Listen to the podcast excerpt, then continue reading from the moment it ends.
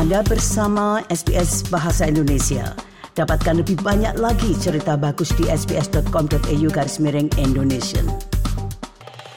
Pendengar sekalian, larangan baru terhadap penggunaan plastik telah mulai berlaku di tiga negara bagian Australia, seiring dengan penghapusan barang-barang sekali pakai yang terus berlanjut di seluruh negara pemerintah federal memperkirakan sekitar 130 ribu ton plastik telah bocor di saluran air setiap tahunnya dan para aktivis lingkungan menyerukan agar lebih banyak tindakan yang dilakukan. Berikut ini adalah laporan selengkapnya yang disusun oleh Cat Landers dan Sam Dovers untuk SBS News. Larangan terbaru terhadap plastik tampaknya akan membawa Australia pada jalur yang jauh dari sampah yang tidak diperlukan. Warga Australia menggunakan lebih dari 3 ton plastik setiap tahunnya, dan hampir 85 persennya dibuang ke tempat pembuangan sampah. Namun dalam perjalanannya, banyak yang bocor ke saluran air – Sean Kukow, manajer kampanye plastik di Masyarakat Konservasi Laut Australia, mengatakan bahwa skema daur ulang plastik yang dilakukan saat ini hanya menangkap sebagian kecil sampah plastik. The estimates we have is that about 30% of the world's plastic is leaking out into the oceans, and that's estimated to be similar here in Australia. Uh, when you compare that to 13% being recycled, that's vastly more ending up in the oceans that is actually being recycled. So it's quite quite concerning. Dorongan untuk melarang penggunaan plastik sekali pakai di Australia dimulai pada tahun 2009 ketika Australia Selatan menjadi negara bagian pertama yang menghapuskan tas ringan dan memilih tas yang lebih tebal dan dapat digunakan kembali. Namun kini mereka juga sedang menuju jalan keluar di mana Queensland mengikuti langkah Australia Barat dalam menghilangkan kantong plastik dan menggantinya dengan kertas atau alternatif yang lebih tahan lama. Menteri Lingkungan Hidup Queensland, Lian Linnard, mengatakan mereka akan memastikan alternatif tersebut bermanfaat bagi konsumen. To make sure they can be used at least 125 times, 80% recyclable content in there. And this will follow those successful prohibitions we've already seen and bans, and it's all about reducing single use plastic in our environment. Tas tersebut juga harus memenuhi standar desain khusus yang dapat digunakan kembali. Seperti pilihan plastik yang ada, konsumen harus membelinya saat check out.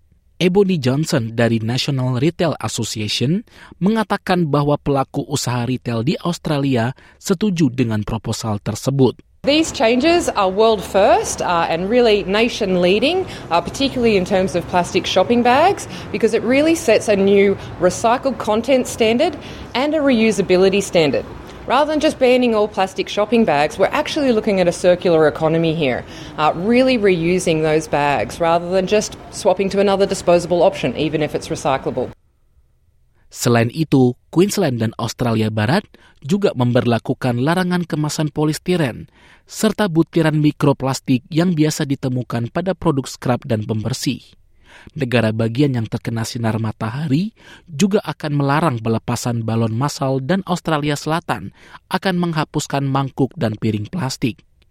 Ketiga negara bagian tersebut akan mengakhiri penggunaan tongkat plastik pada cotton bud Perhatian juga mereka arahkan pada cangkir dan tutup kopi, kantong buah dan sayuran plastik, serta wadah plastik untuk dibawa pulang. Australia Selatan dan Australia Barat akan menjadi negara bagian pertama yang akan menghapusnya secara bertahap pada tahun depan.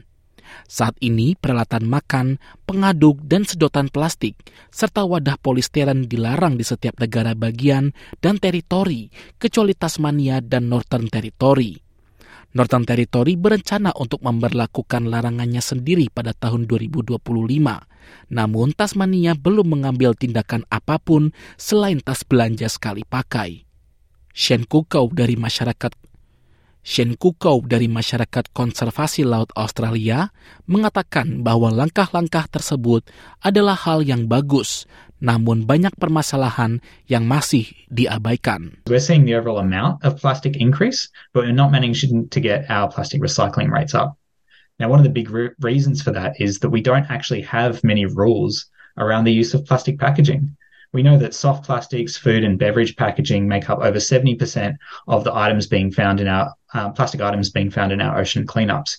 So we really need to start having some rules, not just phasing out single use plastics, but actually requiring companies to use more sustainable packaging. Demikianlah laporan yang disusun oleh Cat Landers dan Sam Dovers untuk SBS News dan dibawakan oleh Dilail Abimanyu untuk SBS Indonesian. Anda ingin mendengar cerita-cerita seperti ini?